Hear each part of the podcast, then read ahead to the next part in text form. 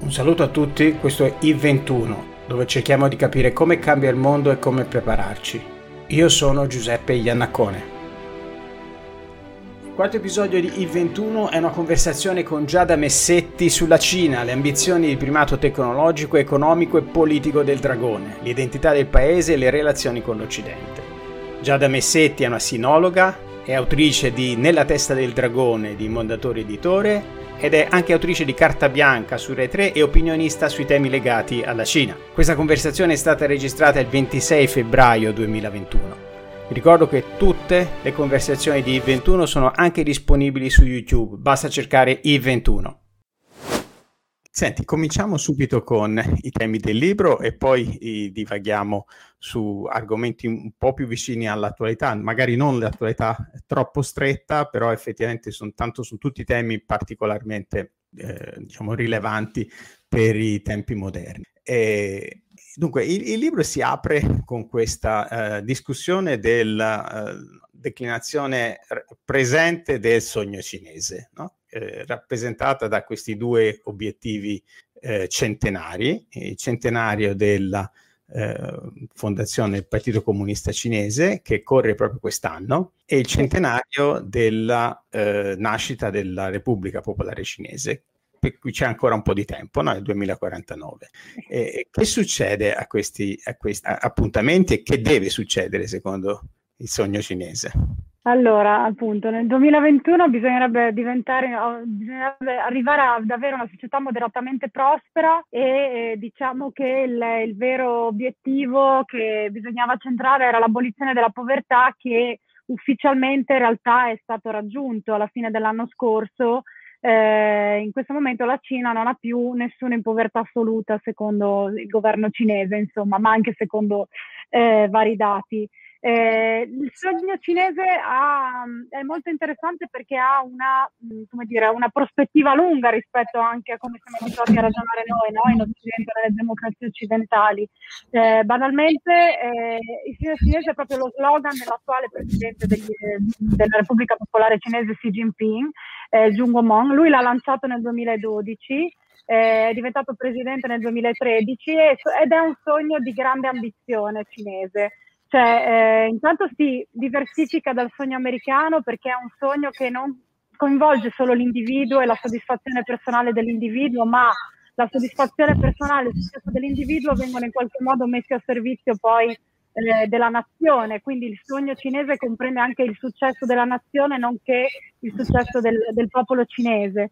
E quindi diciamo ci sono varie ambizioni a proposito del titolo anche del mio libro e vari obiettivi. I due più importanti li hai, li hai citati tu e ripeto, la cosa interessante è capire che i cinesi ragionano uh, sui decenni, cioè non ragionano sul giorno dopo, su tre giorni dopo, su sei mesi dopo, ma hanno piani che arrivano appunto anche al, al 2049. Appunto tutto. Quindi, insomma, eh, poi il sogno cinese di Xi Jinping ha una caratteristica molto, molto importante, che mh, mm, è una prima volta per la Cina, perché la Cina storicamente è un paese che non è mai uscito dai suoi confini in un certo senso, cioè storicamente la Cina è sempre rimasta riferma dove era e invece con Xi Jinping eh, l'ambizione è quella di diventare una potenza che ha comunque influenze mondiali ed è la prima volta che succede nella storia.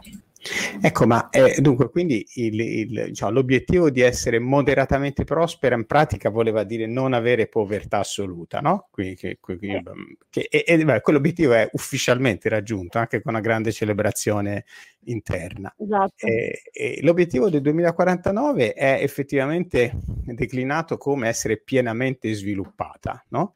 Ma che cosa vuol dire pienamente sviluppata nell'interpretazione?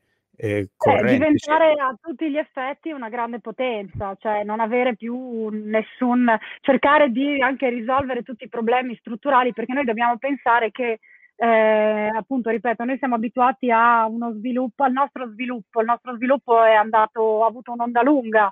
Eh, la Cina quello che sta raccogliendo adesso fondamentalmente l'ha seminato non prima di 40 anni fa, quindi la Cina in 40 anni è riuscita a correre e a sollevare dalla soglia di povertà eh, milioni di persone e, e, quindi però è un paese pieno di contraddizioni, nel senso che poi la Cina è un continente, noi tendiamo sempre a dimenticarci che a parte la vastità del territorio cinese, ma anche appunto a un miliardo e mezzo di persone, quindi sono processi che necessitano di tempo. Diventare una nazione pienamente sviluppata significa eh, raggiungere il benessere per tutti e anche la postura di potenza mondiale a tutti gli effetti, che però inizi- cioè, sta iniziando a, dire, a essere impostata già da adesso. In realtà io il mio libro lo dico, la, secondo me la, la, data, cioè la, data, principale è stata quando la Cina è entrata nel WTO e quando Pechino ha vinto, la, è diventata la sede delle Olimpiadi del 2008, perché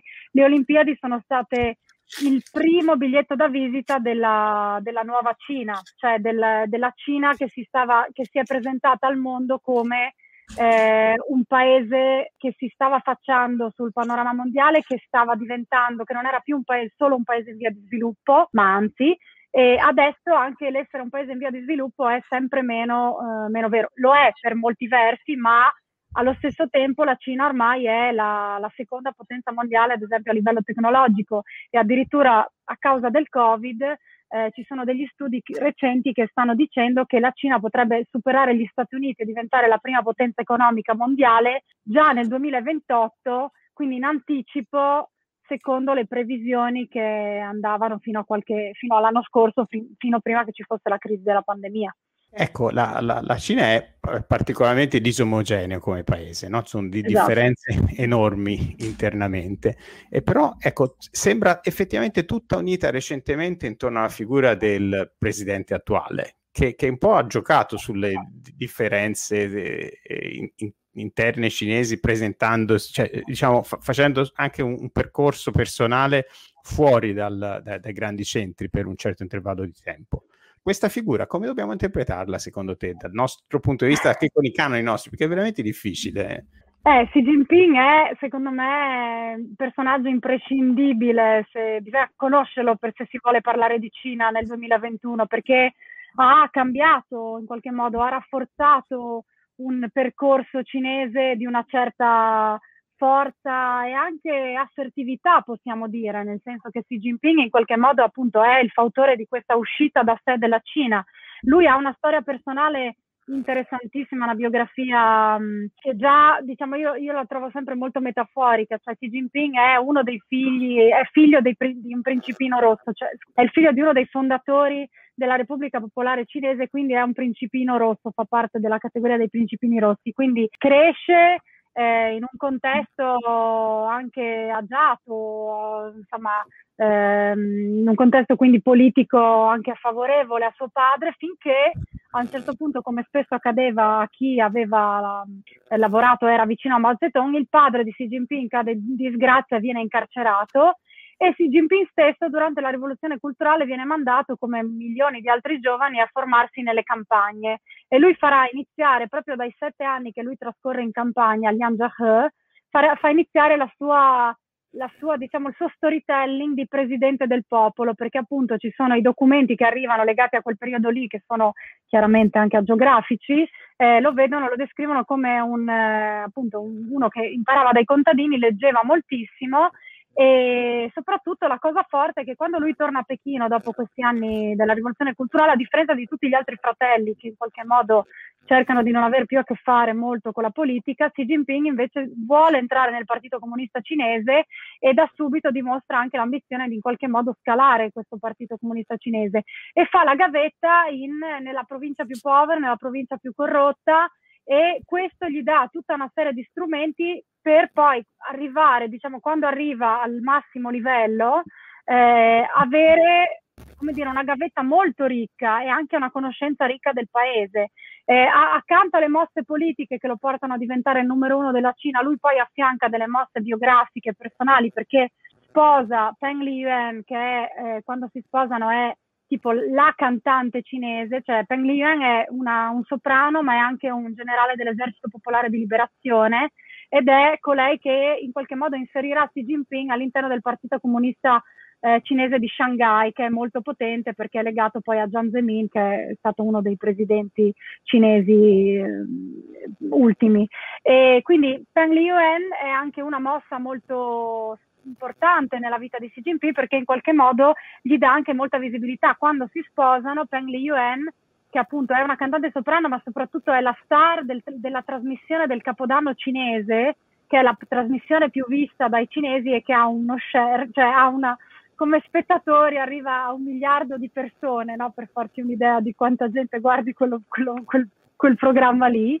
E, e, quando si sposano lei è più famoso di lui, quindi all'inizio c'è anche un po' un imbarazzo perché eh, è la prima volta che succede una cosa del genere.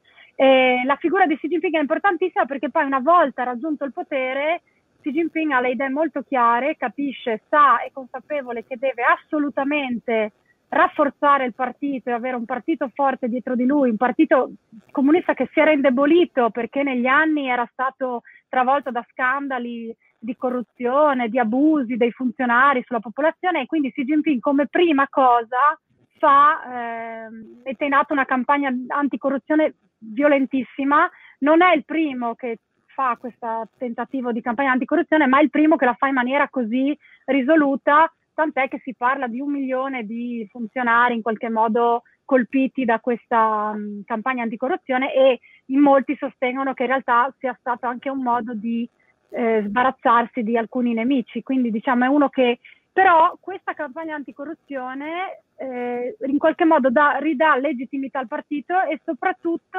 dà un grande consenso popolare a Xi Jinping, perché in realtà Xi Jinping in patria è, cioè, ha un consenso popolare positivo e diciamo che il Covid anche in, questa, in questo caso ha aiutato di nuovo la sua figura.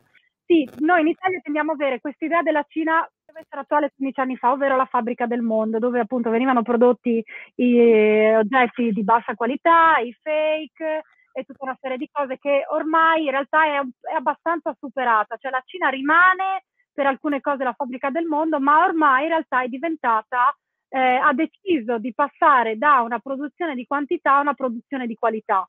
Il, eh, l'evento che in qualche modo ha accelerato questo processo è stata la crisi, del, la crisi finanziaria del 2008 che ha in qualche modo ehm, messo in crisi l'Occidente e quindi gli acquisti da parte dell'Occidente delle merci cinesi e la Cina si è resa conto che non poteva continuare a dipendere così tanto solo ed esclusivamente da, dall'export. Quindi ha deciso appunto di fare questo grosso passaggio. Passaggio che in realtà, ripeto, già eh, sia Deng Xiaoping che Jiang Zemin sulla tecnologia avevano deciso di investire tantissimo, ma la crisi del 2008 ha semplicemente accelerato il processo e la Cina negli ultimi 12 eh, anni è diventata una grande potenza tecnologica tanto grande da eh, in qualche modo far preoccupare la prima potenza mondiale che allora aveva avuto in qualche modo il monopolio, anche l'egemonia, su tutta una serie di tecnologie che sono gli Stati Uniti. Eh, una delle grandi tematiche che si apre tra Cina e Stati Uniti è quella legata a Huawei, no? cioè, certo. immagino tutti abbiate sentito ormai nominare Huawei ehm, di cui se vuoi parliamo dopo. E poi appunto l'altra cosa molto importante che Jinping, che tu adesso hai fatto vedere, hai spoilerato, è la, questo progetto della nuova via della seta. Perché il progetto della nuova via della seta è un progetto di nuovo importante? Perché come dicevo prima è la prima volta che appunto la Cina si proietta al di fuori dei suoi confini e soprattutto perché anche il progetto della nuova via della seta in qualche modo entra nel territorio di concorrenza agli Stati Uniti. La nuova via della seta viene anche definita la globalizzazione in salsa cinese perché è una proposta di globalizzazione alternativa a quella degli Stati Uniti a guida cinese. Quindi chiaramente, ehm, tra l'altro con un, eh, una, un, una cosa che la rende molto diversa dagli Stati Uniti, nel senso che eh, i cinesi sono molto pragmatici, ai cinesi interessa fare business, eh, avere nuovi mercati su cui appunto poi vendere le merci, eh, le merci che, che, loro producono e spesso sono anche in, in sovrappiù e non ha nessuna intenzione di entrare nel merito dei sistemi politici con cui stringe gli accordi.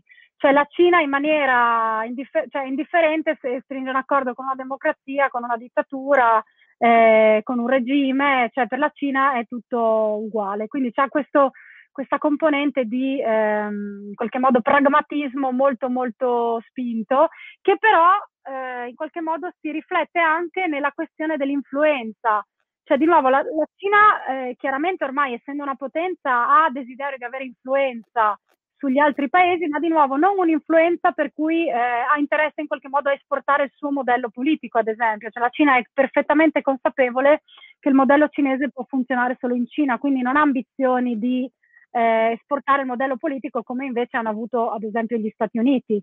No, ecco, eh, hai nominato prima la Via della Seta, io avevo infatti una figura da, sì. da mostrare esatto. che, poteva, poteva essere esatto. utile.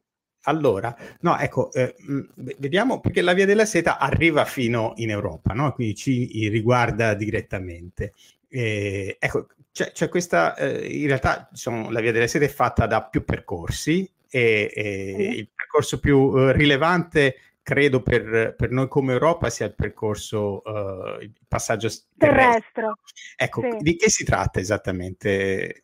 È un, è un, praticamente è un mega progetto che punta ad unire 70, cioè già coinvolge più di 70 paesi e appunto sono tutta una serie di accordi bilaterali sia di eh, vendita di merci, ma sia anche e soprattutto di costruzione di infrastrutture, cioè tutta una serie di, soprattutto tutti i paesi dell'Asia centrale, eh, l'Africa, eh, appunto ci sono tre corridoi, dicevamo marittimo, terrestre, e poi si sta lavorando anche su un corridoio polare, eh, quindi è proprio un progetto ambizioso in maniera totale, ma non solo, perché in realtà qui noi vediamo solo la parte asiatica, africana, europea, ma in realtà il progetto della nuova Via della Seta ormai coinvolge anche degli stati in Sud America, ad esempio. Quindi è appunto un, eh, un progetto economico, cioè di, di, base è un progetto economico, ma in realtà è un progetto politico, perché appunto è un progetto comunque che attraverso l'economia si crea anche in qualche modo un'influenza. E spesso si parla di questa trappola del debito, no? di cui alcuni paesi sarebbero eh, diventati vittima, nel senso che spesso la Cina magari fa dei prestiti, i paesi non sono poi in grado di, di, restituire, di restituirli e quindi la Cina si prende per un tot anni delle, ad esempio dei porti o delle, insomma, delle, delle zone che sono strategiche fondamentali nel paese. Quindi, quindi eh, Ah, per, giusto per, per, per, aiutare a capire, in sostanza è una costruzione di infrastrutture che servono sia per l'approvvigionamento di materie esatto, prime che per la fornitura di, di, di esatto. Per e... il trasporto tantissimo, cioè ferrovie, ferrovie, ponti tantissimi. In Africa si traduce anche in costruzione di scuole, ospedali, cioè non è solo meramente, meramente diciamo economico, è molto variegato e in qualche modo, soprattutto nei paesi quelli più eh, in via di sviluppo, ha molta presa, ha avuto molta presa negli anni perché eh. chiaramente sono carenti di infrastrutture. Certo, quindi si manifesta in eh, aiuto economico e prestiti per la realizzazione di queste infrastrutture in cambio dell'utilizzo eh, diciamo, esatto. delle infrastrutture parziali. In questo modo si garantiscono, per esempio, col Pakistan l'accesso al, al, al mare diciamo, per, per il, il, petrolio, in sostanza, per esatto. i, i, traffici di petrolio e con l'Europa di nuovo c'è il, trasfer- il trasferimento delle merci, la possibilità di eh, portare rapidamente le merci in Europa, esatto. perché di fatto la via terrestre che dicevamo prima va da eh, sud-ovest di Shanghai fino, a, uh, fino, alla Germania, fino a Duisburg. Esatto. Sì, sì, ecco, assolutamente. N- noi come Italia come siamo collocati rispetto a questo processo? Allora, noi come Italia adesso ci siamo ricollocati totalmente nell'Alleanza Atlantica, no? Certo. Il nuovo Premier ha fatto un discorso molto chiaro però abbiamo avuto un paio d'anni di ambiguità, nel senso che eh, noi siamo l'unico paese del G7 che nel 2018, 2019 scusate, eh, durante il, Conte, il, governo Conte 1 ha firmato il Memorandum of Understanding sulla via della seta. Memorandum of Understanding che eh, ai tempi della firma in Italia è stato in qualche modo presentato come un accordo commerciale ma in realtà, eh, soprattutto per la Cina, si trattava di un accordo politico ed è il motivo per cui in realtà sia gli Stati Uniti che poi i nostri alleati europei ci hanno un po' in qualche modo tirato le orecchie dicendoci scusate ma cosa state facendo?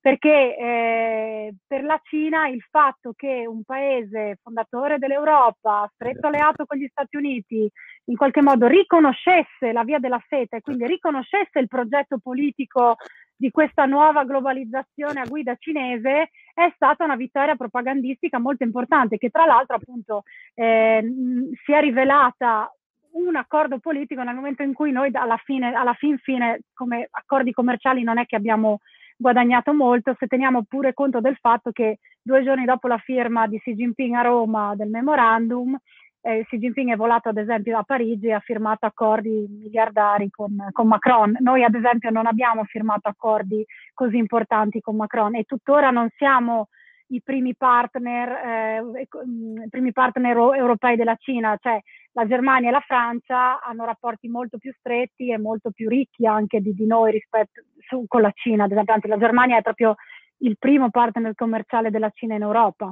Quindi, insomma, è, è, noi abbiamo avuto questi due anni di ambiguità, già il Conte 2 ha cambiato un po', diciamo, è un po' rientrato e diciamo che Draghi sembra aver proprio preso essere proprio tornato pienamente sotto, insomma, nell'Alleanza Atlantica, senza ambiguità di sorta. No, eh, certo. E, e, ecco, ora, eh, diciamo, prima no, m- menzionavi il fatto che la Cina ha ambizioni eh, importanti di primato tecnologico, specialmente eh, ambizioni di dominare le eh, tecnologie emergenti le te- o, le tecnologie diciamo, che considera in questo momento eh, più importanti. Ora, al discorso delle tecnologie, diciamo anche per deformazione professionale, io sono particolarmente, particolarmente mh, interessato e effettivamente questa competizione tra Stati Uniti e Cina, che è evidente in tantissimi campi, sta stringendo tutti i paesi europei, sta mettendo veramente in difficoltà tutti i paesi europei, diciamo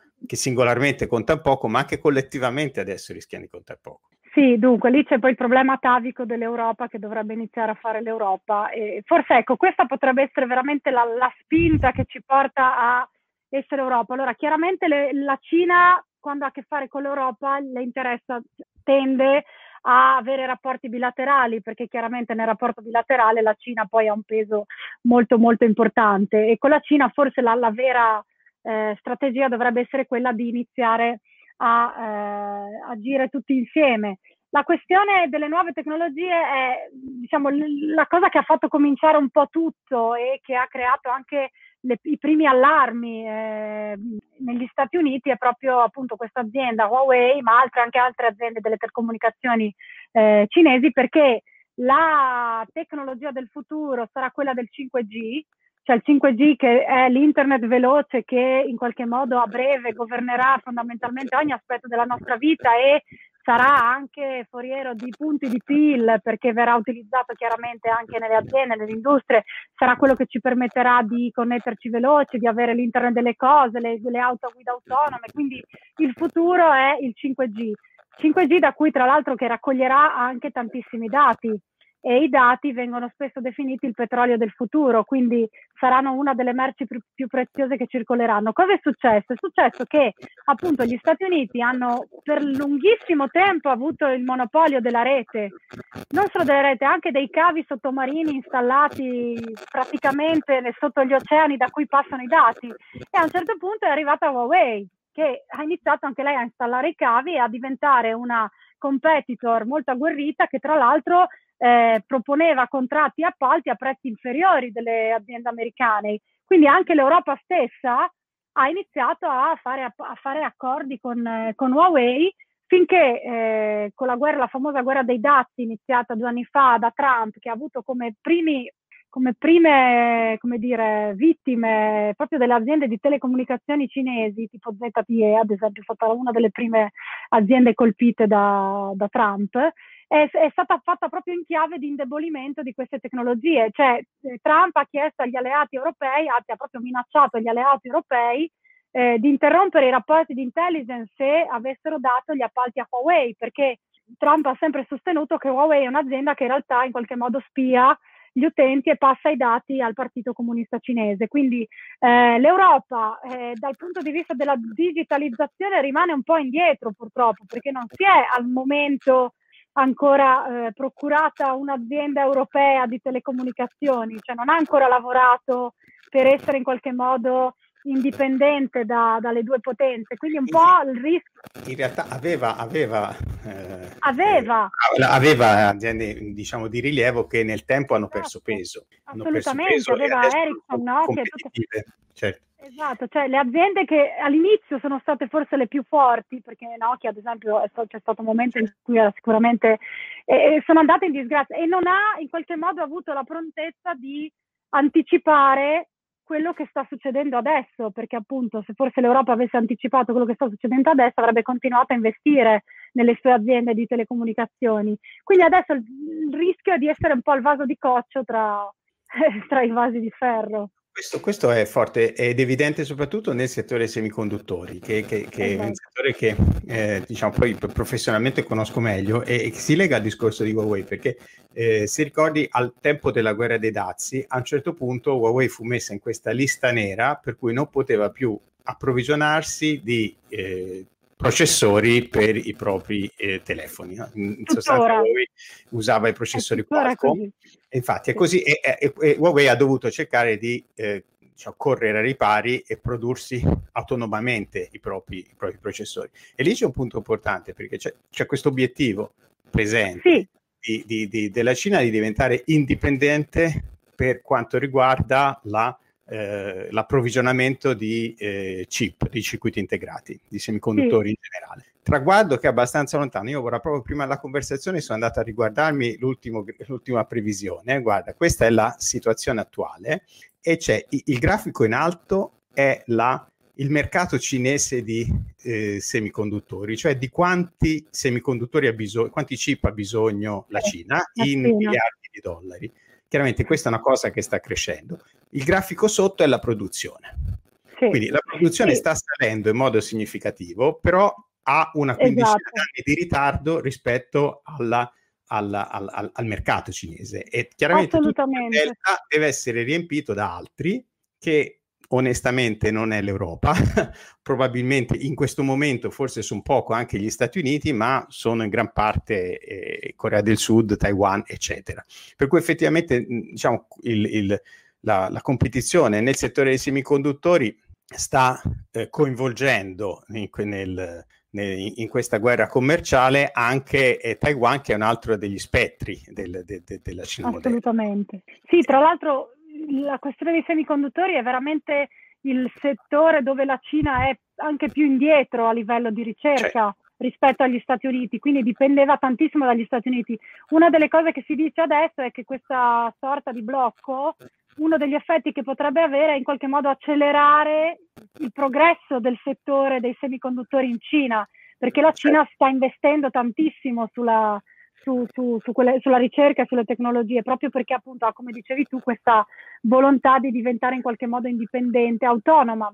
Eh, autonoma rispetto anche perché si parla sempre di più di decoupling, che anche questa è un'altra cosa molto importante, ovvero del disaccoppiamento tra l'economia cinese e l'economia americana. E io non so dire, alcuni dicono che succederà io la vedo come una ipotesi molto complessa anche perché esistono anche dei, degli studi adesso della Camera di Commercio americana che sostengono che non, porterà, non porterebbe bene neanche agli, agli americani, cioè come quantità di posti di lavoro.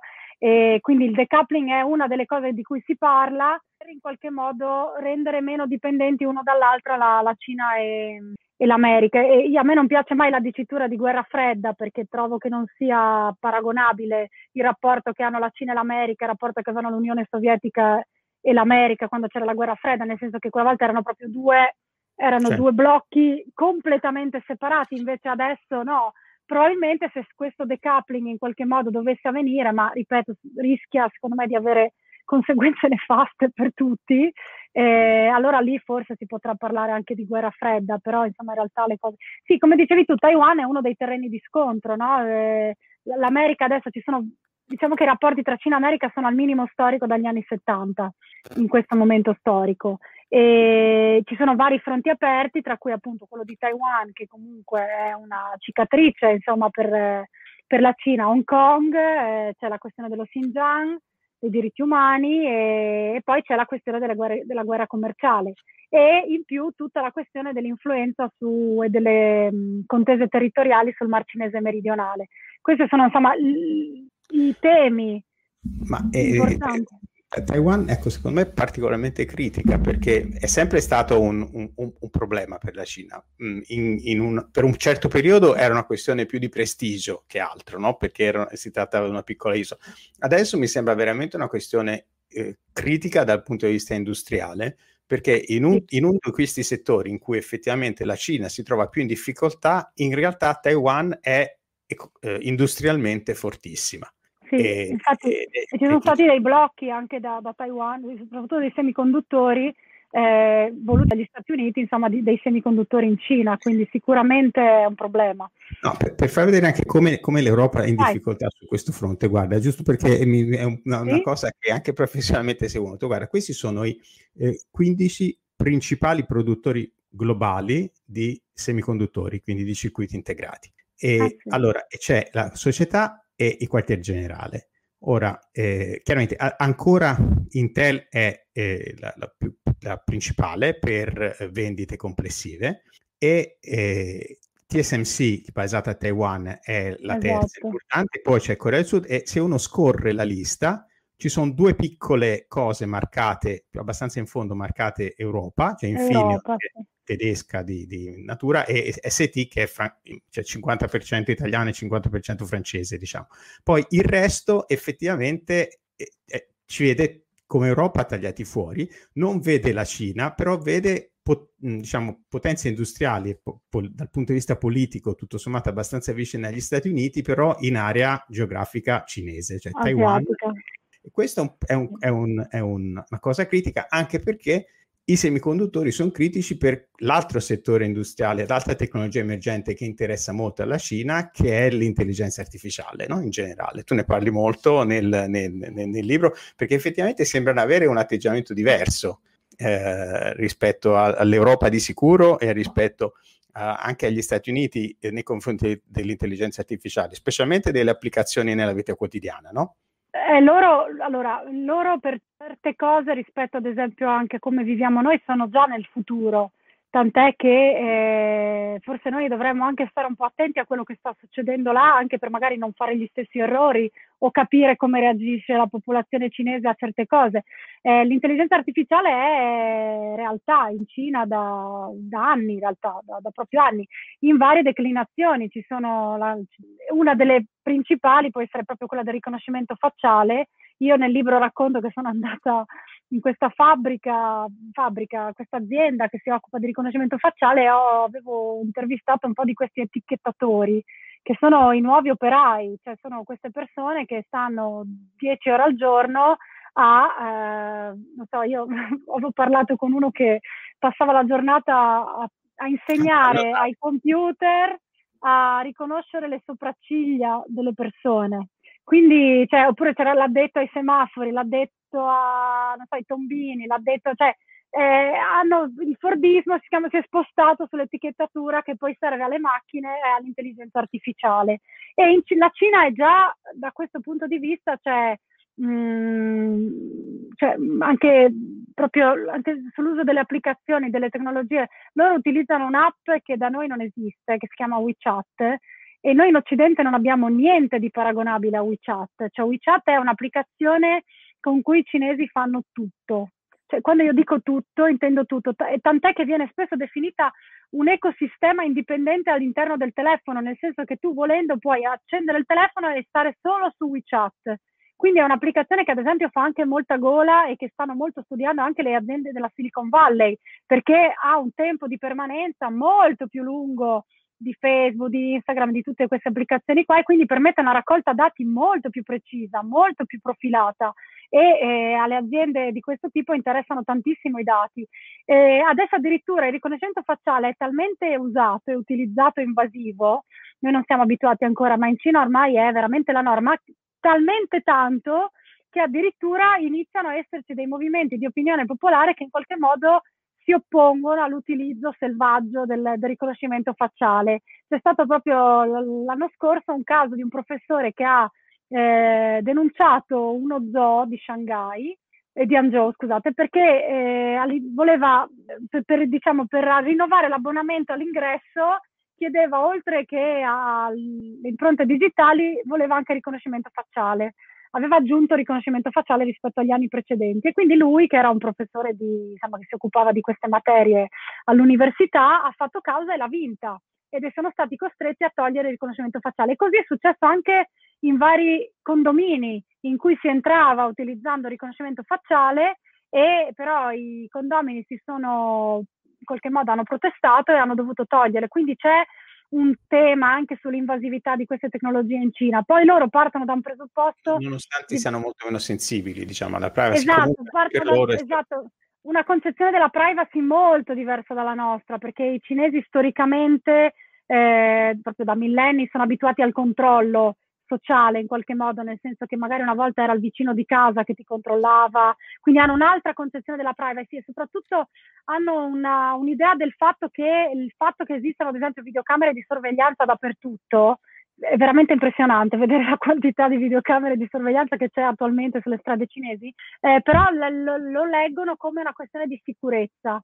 E ad esempio un'altra cosa che a noi fa molta impressione che è il sistema dei crediti sociali, ovvero questa sorta di patentino che ogni persona ha e che ha punti, no? Quindi se tu fai, se tu sei un bravo cittadino, in qualche modo hai dei punti, man mano se tu ad esempio non paghi le multe, passi col rosso, non fai bene la differenziata e tutta una serie di cose, i punti scendono. E il far scendere i punti eh, può comportare il fatto che tu abbia delle, delle, limitazioni, ad esempio la mobilità, tipo tu non possa viaggiare per un certo periodo, tutta una serie di cose. A noi questo concetto qui fa molta impressione, ma il, la parola cinese che definisce credito sociale, che è Xingyong, ha all'interno anche il concetto di fiducia. Quindi diventa la società della fiducia, cioè nei confronti delle aziende, nei confronti degli altri. Quindi eh, dobbiamo sempre pensare che siamo molto diversi culturalmente, quindi spesso applicare le nostre convinzioni culturali, le nostre etichette culturali alla Cina e, e magari giudicare è sempre molto spesso un po' fuorviante, diciamo. Questa cosa de- dell'app appunti che dicevi te è una cosa sperimentale di una città o è diffusa? Eh, adesso stanno iniziando già a implementarla, eh, dall'anno scorso avevano iniziato a sperimentarla già dal 2019, però sta piano piano entrando in funzione già adesso. Eh, col Covid ammetto che non so adesso come sia, perché il Covid ovviamente ha un po' scombinato tutto, però ad esempio, eh, a proposito di tecnologia e invasività della tecnologia, una delle, ehm, delle, delle risorse, diciamo, tra virgolette, che ha permesso alla Cina di controllare il Covid e di essere tornata alla normalità ormai già a giugno, è il fatto che hanno applicato la tecnologia, per esempio WeChat, che era una un'app che ormai hanno tutti, e ha applicato la geolocalizzazione di WeChat eh, per eh, capire dove erano le persone positive. Ad esempio, sono state create delle app in cui eh, praticamente davano la piantina, tipo una sorta di Google Maps che ti faceva vedere se c'erano dei positivi che camminavano, magari tu dovevi andare da una parte e decidevi di fare un'altra strada. Tutte cose che chiaramente da noi non sono, sono difficilmente applicabili, insomma. No, t- tornando al discorso generale dell'intelligenza artificiale, io mh, mm, eh, ieri sera avevo guardato uno dei rapporti eh, della Commissione europea che, che, in realtà ovviamente si preoccupa che su questa tecnologia la, la, l'Europa sia effettivamente indietro. E la cosa effetti- che colpisce effettivamente è che se eh, prendiamo il mondo e lo dividiamo in tre blocchi, cioè Stati Uniti, Europa e Cina, e, e li confrontiamo sul, sull'intelligenza artificiale, effettivamente noi vediamo una cosa di questo tipo. Dal punto di vista del, dello hardware per l'intelligenza artificiale, gli, gli Stati Uniti sono davanti, la Cina è ultima e l'Europa è nel mezzo. Dal punto di vista invece delle, delle applicazioni e dell'uso delle applicazioni e della raccolta dei dati, la situazione è eh. rovesciata. Gli, gli, Stati Uniti, cioè la Cina è davanti a tutti, poi ci sono gli Stati Uniti, poi c'è per ultima l'Europa che ovviamente è più, più attenta di tutti a questo. Attenta, sì. Dal punto è di vista della ricerca, invece, delle nuove tecnologie per l'intelligenza artificiale, la situazione di nuovo è che gli Stati Uniti sono davanti, sono effettivamente avanti a tutti, la Cina è indietro e l'Europa è nel mezzo. Insomma, in tutte le situazioni l'Europa si trova nel mezzo e rischia di, di, di, di, di, eh, sì. perché poi questa è una situazione nella quale l'applicazione, l'utilizzo e la raccolta dei dati poi alla lunga sono la cosa principale, la cosa che riesce a mandare a portare più avanti la tecnologia, a far nascere più imprese eh, forti esatto. nel settore e effettivamente noi qua eh, ci, ci noi eh, siamo indietro e, e, il rischio è che poi appunto la, la questione ad esempio se prendiamo de- se decidiamo che Huawei spia e comunque eh, tutte queste aziende in qualche modo abbiano degli interessi a avere i nostri dati cioè se noi non ci iniziamo a come dire a sviluppare una nostra una tecnologia europea di un certo tipo arriverà al punto in cui noi dovremo decidere se essere spiati dai cinesi o dagli americani. Cioè, la domanda sarà quella se non decidiamo di in qualche modo gestirceli noi questi dati. Cioè, No, e, e certo, il rischio c'è, rischiamo di essere particolarmente deboli.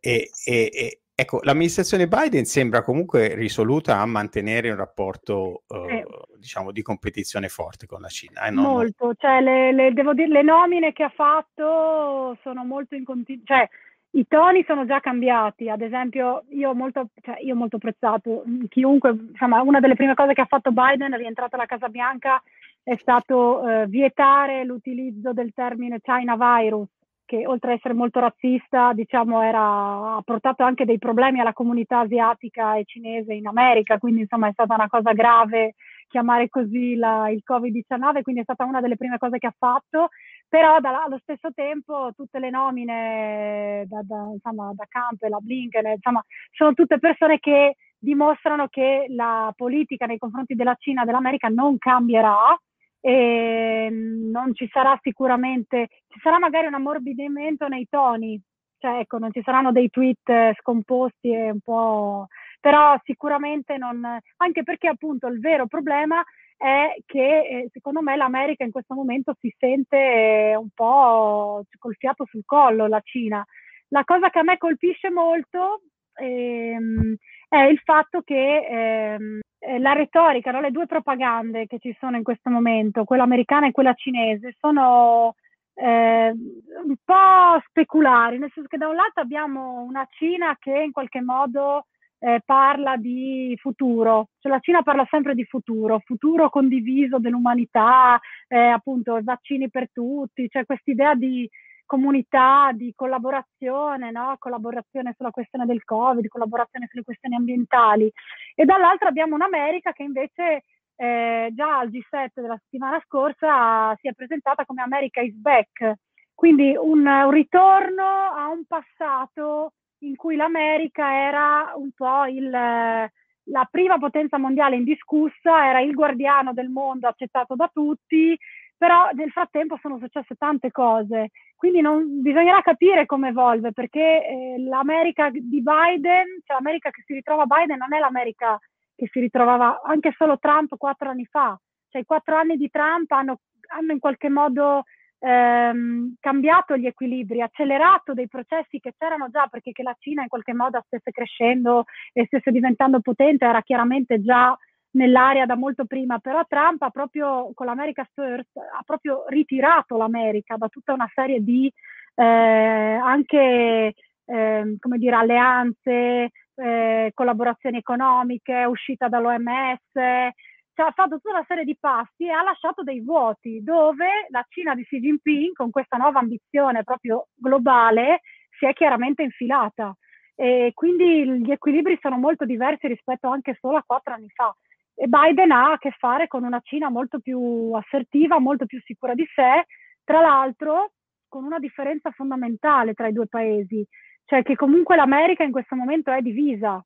Eh, L'America abbiamo visto anche no, le immagini di Capitol Hill, eh, cos'era il 6 gennaio, eh, cioè l'America è molto divisa in questo momento ed è un paese che ha ancora a che fare ad esempio con la, con la pandemia di Covid, anche se con i vaccini ad esempio l'America sta riprendendo terreno e la Cina dall'altra parte ha usato eh, in qualche modo quello che è successo nell'ultimo anno per ricompattare anche un nazionalismo interno molto forte, quindi in realtà la Cina al suo interno è unita in questo momento. Ci sono i problemi appunto dello Xinjiang, di Hong Kong e Taiwan, ma eh, la Cina continentale, la Repubblica Popolare Cinese il, ha portato avanti un processo di eh, orgoglio, di in qualche modo essere anche riusciti a sconfiggere no? la, la pandemia a differenza dell'Occidente, ad esempio, rispetto all'Occidente. Quindi l'orgoglio per un modello e un sistema che ha in qualche modo dimostrato di essere più efficiente, più efficiente del modello occidentale. Quindi in questo momento la Cina eh, dice io non, non, vi invidio il modello occidentale, io sono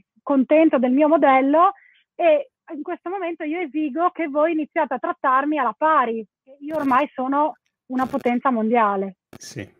No, eh, ne vedremo delle belle, credo, perché eh, effettivamente sì. anche, anche, dal punto di vista della comunità scientifica e della diplomazia scientifica, che è sempre importante, è quello che è evidente negli ultimi anni, ma anche mesi proprio, cioè è un irrigidimento del rapporto tra gli Stati Uniti e la Cina, è un tentativo di interrompere, diciamo, o, o di tagliare tutti i legami eh, scientifici, di collaborazione scientifica ehm, di, di, di, istituzioni, gruppi di, di, ricerca negli Stati Uniti con la Cina.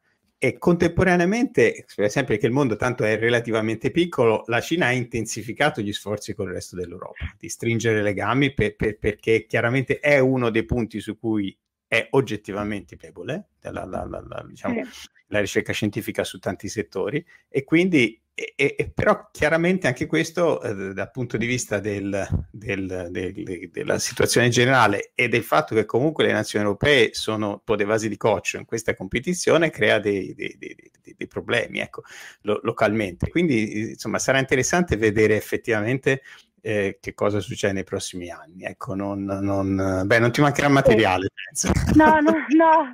No, però appunto la cosa importante secondo me è iniziare a essere consapevoli di questa potenza mondiale, che noi non conosciamo anche la differenza tra noi e loro è che i cinesi ci conoscono, ci sì. studiano, eh, cioè appunto sanno cos'è l'Europa, i leader cinesi si formano sui filosofi occidentali, sui politici occidentali e noi invece abbiamo un'ignoranza eh, molto importante anche nei confronti della Cina perché banalmente non la incontriamo mai. Cioè, noi anche nei nostri percorsi di studio non che incontriamo la Cina, quindi eh. è anche giustificata da un certo punto di vista, però siccome quello che deciderà Xi Jinping e Biden, quello che decideranno Biden e Xi Jinping nei prossimi anni in qualche modo ci toccherà veramente da vicino, bisogna iniziare secondo me invece a studiarla perché, e capire con chi si ha a che fare, insomma. Allora, io nel, nel frattempo eh, diciamo, invito chi ci sta ascoltando, se vuole sottoporre qualche domanda, a, a, farlo nei commenti. E intanto che magari qualcosa arriva, mm, ti chiedo una cosa leggermente, ehm, cioè una, una, curiosità, una cosa che, mh, mm, per cui probabilmente puoi aiutarci. E se uno vuole tenersi al corrente no, su quello che succede in Cina, magari cercando di avere anche il punto di vista eh, locale, eh, chiaramente però non in cinese, perché chiaramente cioè, tu, tu lo parli, ma poi in realtà è una cosa difficilmente accessibile. Uno, che cosa che, che, che, cosa può seguire? Chi può seguire come, come allora, persona? Può seguire, vabbè, a, a, parte me, eh, a parte me su Instagram, eh, Simone Pieranni su Instagram, eh, Giulia Pompili, che è una giornalista del Foglio, eh, ci sarebbero tantissimi nomi, però l'importante è seguire un sito che si chiama China Files, okay. che fa un lavoro di informazione veramente è in italiano. Importante. È, in, è, tutto, è in italiano, è assolutamente tutto in italiano, ma è curato da eh, sinologi e giornalisti italiani e il tentativo è quello di fare un'informazione eh, corretta sulla Cina, perché purtroppo spesso, soprattutto i media mainstream italiani, eh, cioè i giornali, le tv, tendono, siccome non, ci, non c'è tempo ormai, no? non c'è mai tempo di approfondire le cose, tendono a scrivere degli articoli che in qualche modo reiterano dei luoghi comuni o degli stereotipi che noi abbiamo. E invece adesso secondo me è proprio importante iniziare a, a, a buttarli giù, perché sì. bisogna averci a che fare con questa benedetta eh, Cina. Eh, se, se uno però volesse vedere un punto di vista proprio uh, cinese sulla cosa. Io ti dico, confesso, ho provato a guardare un po' Global Times, il sito. Eh, Onestamente è un po' troppo, cioè, è, è spudoratamente... è eh, spudoratamente. no, il Global Times io lo trovo, cioè a me... È, è, Global Times è, come si può dire, è la, la posizione del partito. Cioè, è proprio... L, l, l, poi a un certo punto diventa... No, nel senso è interessante su certi argomenti, sì. ad esempio quando, cioè, quando è diventato presidente Biden vai a vedere le reazioni, insomma, però ecco, non è oro colato, anzi direi proprio di no.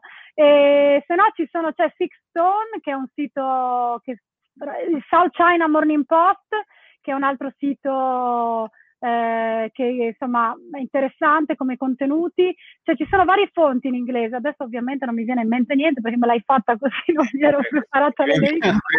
Comunque in lingua italiana China Files, China Files. che spesso tra l'altro riprende, cita dei pezzi mettendo le reference dei, de, della stampa inglese, in inglese. Quindi eh, se volete poi approfondire c'è sempre il link da cliccare per andare ad esempio sul South China Morning Post, su Six Stone, su Politico, su l'Atlantic, su tutti questi giornali qua. Ok, senti, un'altra, un'altra cosa, un'altra curiosità, visto che siamo venerdì sera eh, tardo, dal punto di vista della, eh, della um, diciamo, cultura cinese anche, anche, un po' pop, no? Nel senso, se uno vuole, vuole, vuole avvicinarsi e capire qualcosa. Io ho visto eh. che, di recente eh, tu hai, hai scritto la, la prefazione al, a quel romanzo ah, sì. Quel libro lì è fondamentale per me. Sì. Mm. Cioè, allora, allora, Li Kung Wu è un artista cinese che in realtà ha scritto, eh, io ho fatto la prefazione di un libro che si chiama Mia madre, sì. che parla della storia della Cina tra il 1930 e il 1950, ma in realtà io di lui consiglio la trilogia che si chiama Una vita cinese,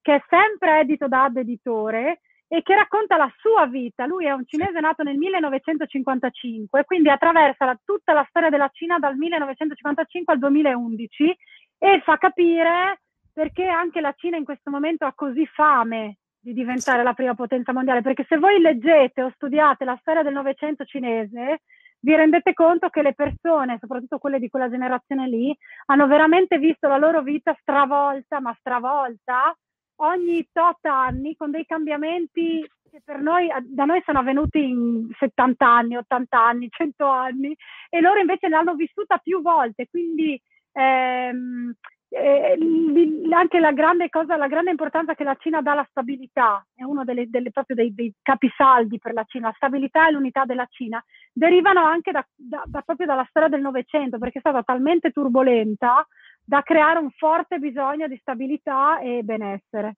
E, tra l'altro l'Icon ha un tratto grafico che è mo- molto facile, cioè molto, molto riconoscibile per un occidentale, perché in realtà il linguaggio de, esatto. de, de, del comic book è, è, è, effettivamente universale, esatto. no? È, no, e poi facilmente leggibile. La cosa interessante è che è una vita cinese scritta a quattro mani con un francese, che sì. quindi ha aiutato l'Ikun Wu a scegliere i temi di cui scrivere. Quindi in realtà è un racconto Ci dal sta. punto di vista cinese però di cose che interessano a noi occidentali e di cose su cui noi occidentali parliamo spesso e però ti dà il punto di vista cinese sulle cose, quindi è veramente, veramente interessantissimo.